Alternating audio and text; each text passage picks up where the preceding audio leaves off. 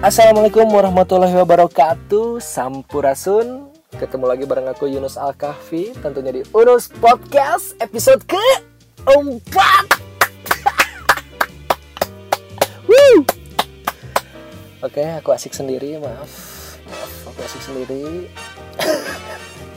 Nah aku seneng banget karena Kalau emang podcast ini dibuat seminggu sekali Berarti aku udah sebulan lah ya udah sebulan konsisten bikin podcast ini dan mudah-mudahan aku masih bisa menjaga konsistensi ini untuk bulan-bulan untuk minggu-minggu ke depan. Dan ya walaupun aku belum tahu ini ada yang denger atau enggak sih. Tentu uh, aku bisa melihat statistiknya di Anchor.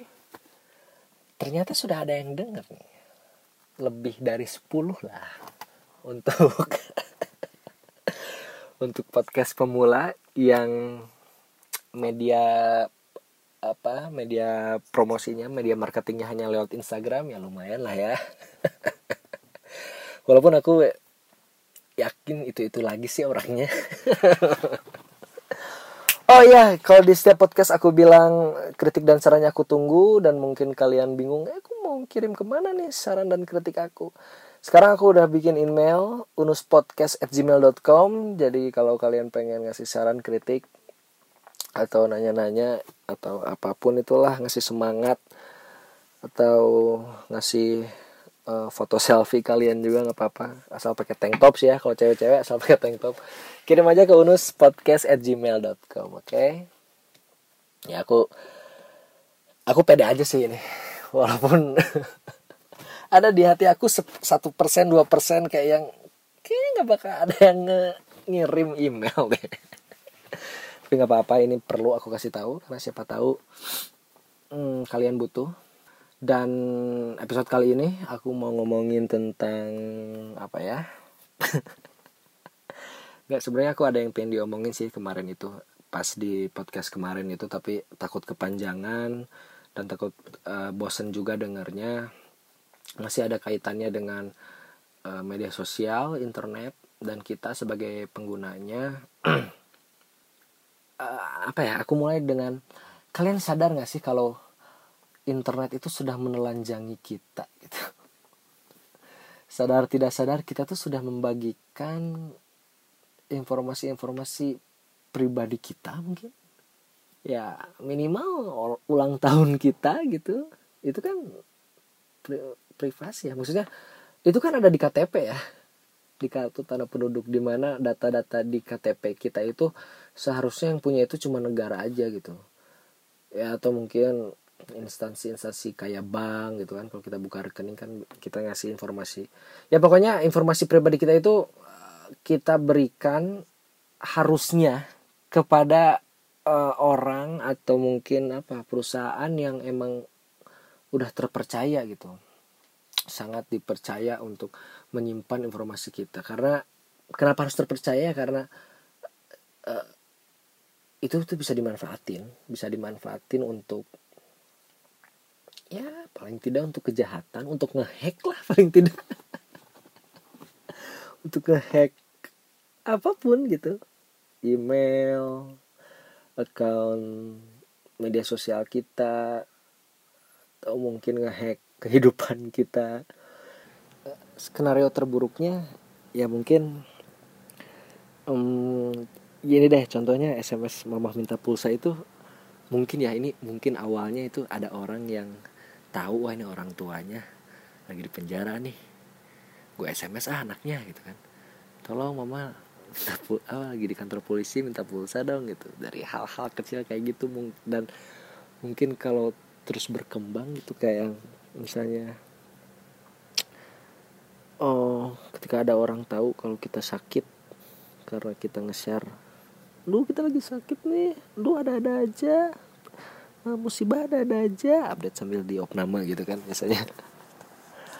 Nah dia bisa apa ya? Bisa mungkin bisa memanfaatkannya dengan ngehubungin orang ngehubungin keluarga kita gitu. Uh, tolong dong uh, ini butuh biaya uh, operasi secepatnya bla bla bla bla kirim ke rekening bla bla bla bla. Itu bisa terjadi kan? Ya itu skenario terburuknya gitu. Ya atau ya at least buat cowok-cowok yang kalau ngelihat updatean cowok-cowok yang ngeliat updatean cewek lagi galau ah ini kesempatan gue buat masuk gitu. Karena percaya tidak percaya ya orang jahat itu uh, biasanya itu orang terdekat kita. Maksud aku orang jahat itu uh, orang yang mempunyai apa ke, peluang untuk berbuat jahat ke kita itu orang-orang terdekat kita. Karena mereka sudah tahu kita. Mereka tahu pola hidup kita. Mereka tahu uh, ritme hidup kita gitu. Ya, tugas mereka tinggal uh, nyari celahnya aja untuk ya amit-amit ya buat ngejahatin kita gitu. Nah itu makanya aku apa ya di podcast ini kayak mau menyadarkan. Gitu menyadarkan. Ya ngasih tahu aja sih kalau hati-hatilah dalam uh, bermedia sosial karena nggak nggak apa ya nggak semua orang yang uh, ada di circle kita itu baik mungkin. Apalagi kita kan apa ya kita kan orang Indonesia terkenal dengan budaya kolektifnya gitu ya. Makanya ada peribahasa makan gak makan asal ngumpul. Itu karena kita senang berkumpul kita senang berkumpul terus kita senang berkumpul. Apaan sih? Ya maksudnya kalau um, kehidupan kita bermedia sosial kita seneng banget gitu nge-add atau nge-follow orang-orang yang bahkan kita nggak tahu dia tuh siapa gitu. Dan kita uh, apa nyaman-nyaman aja ketika ada orang nge-follow kita padahal kita nggak tahu dia siapa gitu. Ya nggak apa-apa sih kalau emang yang di yang di share di media sosial kita tuh ya emang hal-hal yang yang standar gitu. Tapi kalau kayak apa ya kan kadang orang itu kalau lagi sedih share lagi seneng share. Ya iyalah kalau lagi seneng mas share. Nggak tapi kalau ya contohnya yang sedih aja ya itu kan uh, itu kan keadaan emosi kita ya maksudnya keadaan kita yang sifatnya pribadi ya. Kalau menurut aku sih kayaknya nggak harus semua orang tahu deh kalau kita lagi sedih atau mungkin kita lagi berantem dengan pasangan kita kelihatan lah ya. Iya gak sih? Kelihatan gak sih kalau misalnya ada ya anggaplah dari Facebook misalnya status-statusnya kan biasanya quotes-quotes yang sakit hati gitu dan ya ini sebenarnya uh, apa salah kita juga sih. Terlalu cepat ngejudge orang wah ini kayaknya lagi berantem. Wah ini kayaknya lagi sedih. Padahal kan nggak ada yang tahu gitu. Ya tapi itu tadilah jangan terlalu uh, membagikan informasi-informasi yang sifatnya pribadi itu. Apalagi di media sosial. Um, uh, kalau di Indonesia kan itu tadi ya makan makan nggak makan asal ngumpul. Tapi kalau di Barat itu ada uh, pepatah ini pepatah atau peribahasa sih? Ya pokoknya ada kalimat bijak itu bilang uh, orang lain adalah neraka. Jadi maksudnya mereka itu sudah sangat sadar tentang e, menjaga privasi mereka sendiri gitu. Contohnya gitu ada cerita kan ketika ada orang Indonesia yang tinggal di Amerika lalu temennya yang di Amerika itu merasa aneh kenapa nih orang temen di Facebooknya kok banyak banget gitu. Sedangkan orang Amerika ya orang Barat itu untuk memilih teman atau mengapprove gitu ya, memper, apa, tuh menyetujui pertemanan itu ya mereka sangat selektif gitu. Karena mereka sadar bahwa ada privasi yang harus mereka jaga dan mereka juga menghargai privasi orang gitu. Ini ada kaitannya sih sama monokronik dan polikronik yang aku bahas di podcast yang pertama di mana orang-orang barat itu lebih bisa menghargai privasi dan orang ya orang timur bukan nggak bisa menghargai privasi ya tapi apa ya lebih terbuka aja gitu. Karena budaya kolektifnya itu ya makan gak makan asal ngumpul. Ya di Facebook kan aku sekarang udah nggak main Facebook sih tapi kalau dulu di Facebook itu kan kita bisa uh, memberikan informasi orang tua kita siapa ya kan? Kita kerja di mana kita lulusan sekolah mana ulang tahun kita uh, dan ya status-status dan daily daily apa activity kita kan di share gitu di Facebook ya itu nggak apa-apa sih karena ya emang udah sifat dasar manusia senang nge-share gitu. Tapi orang barat itu lebih eh, sadar gitu. Gue nge-share ini tuh nggak ke semua orang loh gitu. Hanya orang-orang tertentu aja. Di close friend lah kalau istilahnya mah di Instagram di close friend ada orang-orang tertentu aja yang boleh.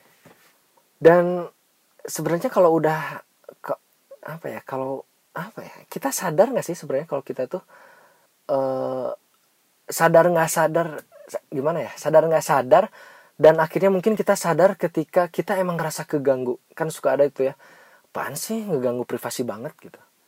Apaan sih lu ngurus-ngurus hidup gue banget? Ini kan privasi gue gitu. Ya mereka nggak kayak nggak bakal kayak gitu kalau emang nggak ada apa ya nggak ada stimulusnya gitu. Mereka bisa kayak gitu kan karena ada ada sebabnya. Dan sebabnya itu kalau menurut aku ya semua yang kita bagikan di media sosial yang memancing mereka untuk ikut campur. Ah, ya apalagi orang Indonesia seneng banget ya ikut campur urusan orang tuh.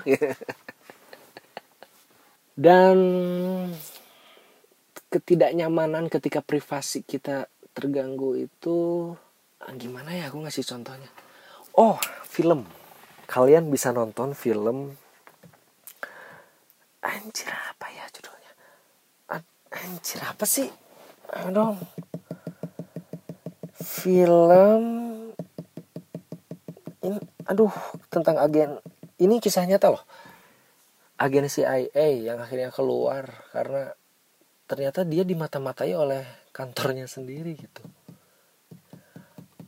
Li, kok limitless sih? Snowden. Ya itu dia. Snowden. Mungkin beberapa dari kalian udah tahu tapi itu mencerita. Dan ini kisah nyata loh. Ini kisah nyata dan pas aku aku, aku nonton itu uh, jujur aku merinding gitu. Dan lebih berhati setelah aku nonton itu aku lebih berhati-hati sih dalam uh, ber uh, apa ya dalam aktivitas aku di internet. Karena ceritanya itu tentang dia agen CIA yang tugasnya itu uh, meretas atau ngehack gitu ya.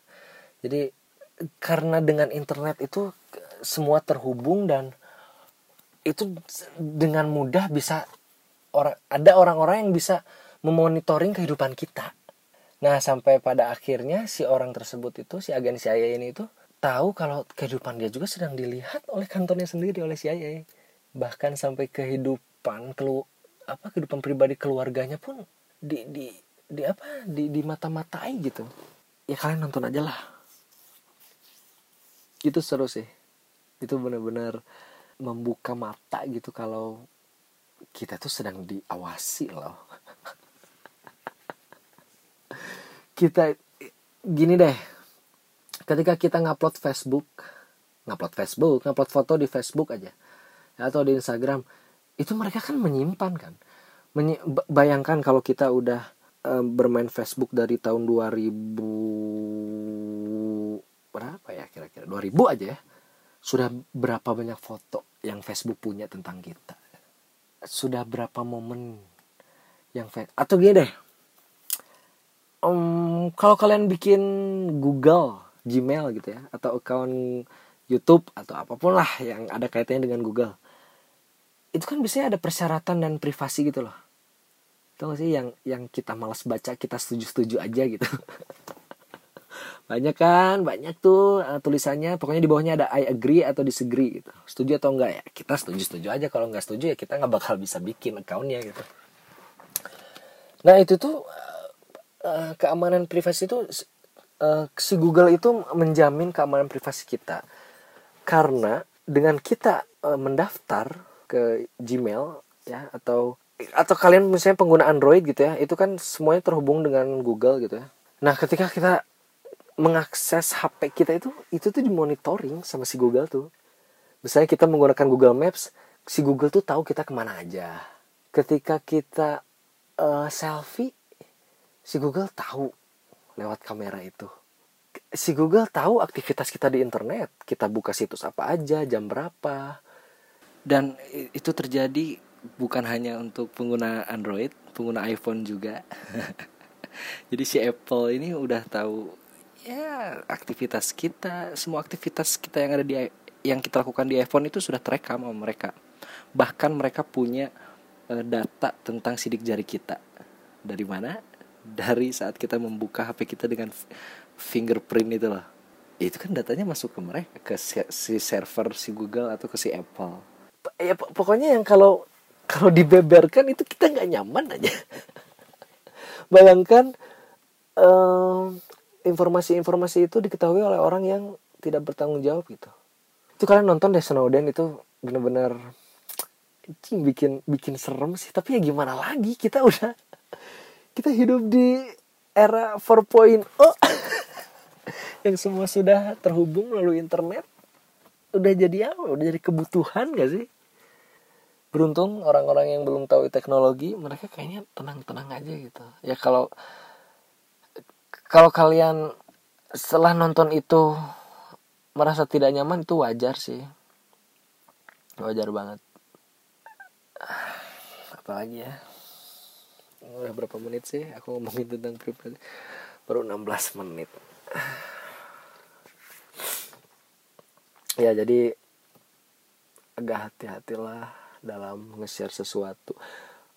Dan uh, aku aku pikir kita sudah tahu sih sudah tahu sudah sadar tentang ini tapi ya kadang rasa ingin nge-share kita itu lebih besar dari uh, rasa ingin merahasiakan privasi kita gitu. tapi kalau kita lihat ya sekarang itu ada ada orang aku aku nggak tahu ya ini kayak ada pergeseran makna tentang Instagram yang keren itu yang seperti apa sih kalian pernah nemu gak sih akun-akun Instagram yang postingannya tuh cuma satu cuma tiga? Jadi ah, gimana ya? Kayak apa ya? Kayak ada semakin dikit postingan lo itu lo semakin keren. Gitu sih? Kayak pet deh tau nggak? Cantik sih tapi kalau momennya setahun berapa ribu ya apaan sih? Gitu. Aduh jangan ngomongin pet deh udah nggak ada apa nah, gitu. Ada nggak sih kalian nemu nggak sih? Dan itu user-user Instagram yang sekarang-sekarang gitu kan makin dikit postingannya kayaknya makin keren gitu. Iya gak sih? Enggak sih kalau kata aku. Kenapa ya? Nah tapi itu itu uh, apa ya positifnya gitu ya positifnya ya mereka membatasi orang untuk mengetahui mereka gitu ya sih? Ini kalau masalah privasi ya ini ada hubungannya dengan informasi dan sangat erat kaitannya dengan orang-orang kepo. Knowing every particular object. Hmm, sebenarnya nih ya, orang-orang kepo ini tuh mereka sudah menjalankan salah satu apa ya? Mereka tuh punya bakat sebagai intelijen ya gak sih? mereka sedang melakukan pekerjaan intelijen. Ya cuman jalurnya indie aja gitu. kalau kalau apa bin kan badan intelijen nasional itu kan di bawah negara. Ya ini mah indie aja bebas gitu. Independen independen. Ya, mengumpulkan informasi-informasi lalu disimpulkan. Nah di sini yang kurang itu di sini. Menyimpulkannya itu kadang sok tahu kadang salah biasanya orang-orang kepo ini termasuk aku gitu. Kadang kalau ini kita kalau zaman sekarang ya kalau mau nyari tahu orang itu kan pasti dari media sosialnya ya. Ya at least lah minimal gitu dari media sosialnya gitu. Nah dan bete nggak sih pas misalnya kita buka instagramnya anjir kok fotonya cuma tiga? Kita mau mau tahu apa tentang dia ya tapi ini bagus sih. Ini mungkin ya ini salah satu bentuk kesadaran kalau gue punya privasi gitu. Dibandingkan dengan orang-orang yang papa update apa apa update seneng update nangis update ya gak sih? Anjir tapi nggak update nangis itu susah susah tau. Aku pernah nyoba ya. Aku kan jadi kayak waktu itu tuh ada jerawat di hidung tuh nah itu kan sakit banget ya nggak banget gitu pas aku pencet-pencet itu sampai akhirnya keluar mata aku wah ini ini momen momen momen gitu ya. Nah pas aku ngerekam itu menangkap momen air mata jatuh itu susah banget tau. Eh, jadi aku apresiasi banget sih kalau ada kalian-kalian atau teman-teman aku di circle aku yang pernah ngupdate nangis dan pas banget air matanya turun itu itu epic banget sih. Karena susah banget nangkep momen itu tuh aduh kok jadi ngomongin orang lagi sih? Nggak nggak jangan jangan. Ini ngomongin privasi nos. Privasi privasi privasi. Sampai mana tadi ya? Oh iya orang kepo itu kalau udah mentok ke Instagram terus postingannya cuma tiga tuh anjing bete. Kalau nah misalnya di feedsnya itu udah mentok nih ya.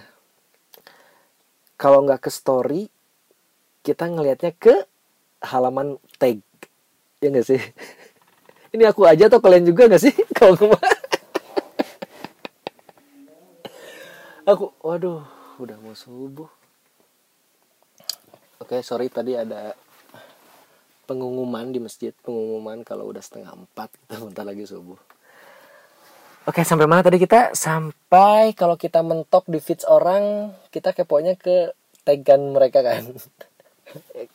Ya aku yakin adalah di antara kalian yang kayak gitu juga gitu. Jadi aku ayo dong temenin gak aku doang gitu gitu. Nah ketika kita buka tegan itu kita makin bete ketika anjing tegannya juga di ngadain dong. Jadi aku harus nyari informasi dari mana gitu.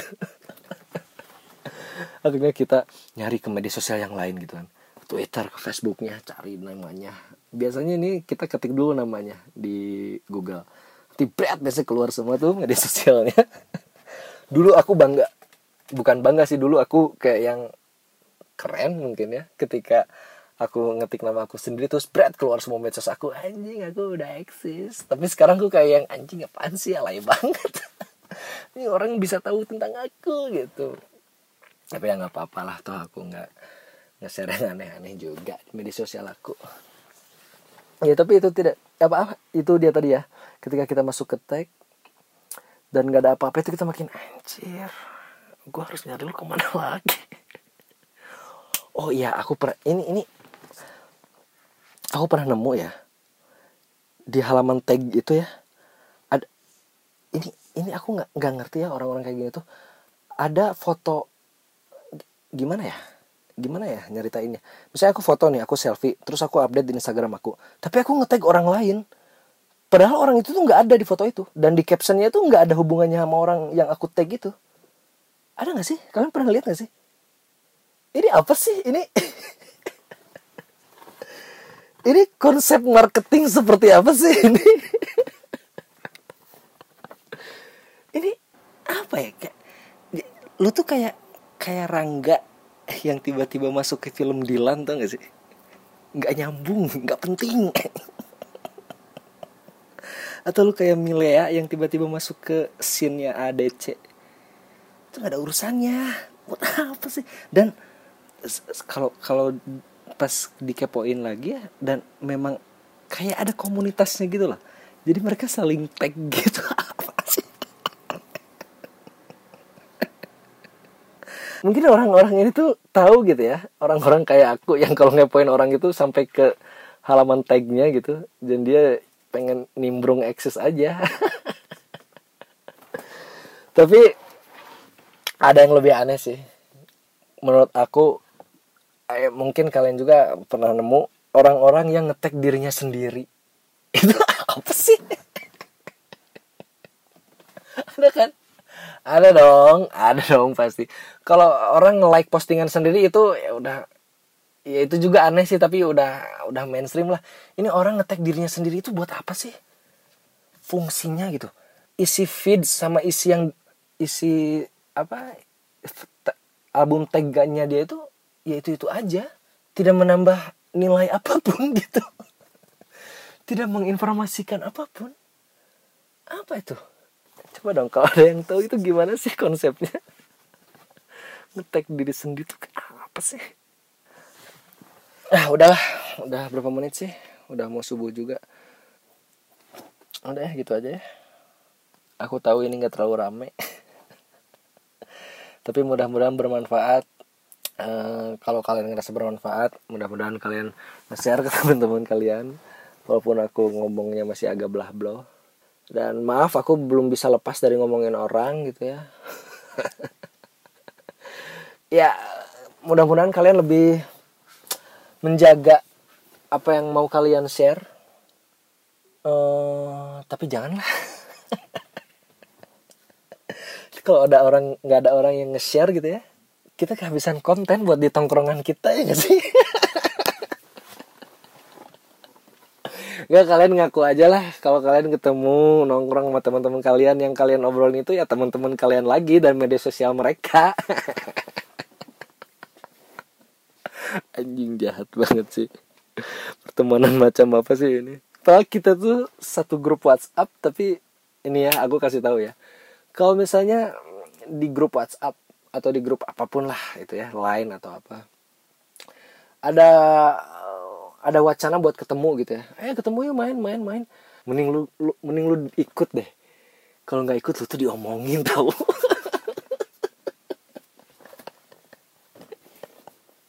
Diomongin sama temen segrup itu gimana sih perasaannya?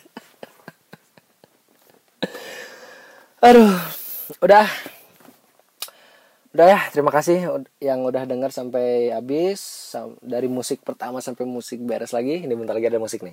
Satu dua tiga. Oke.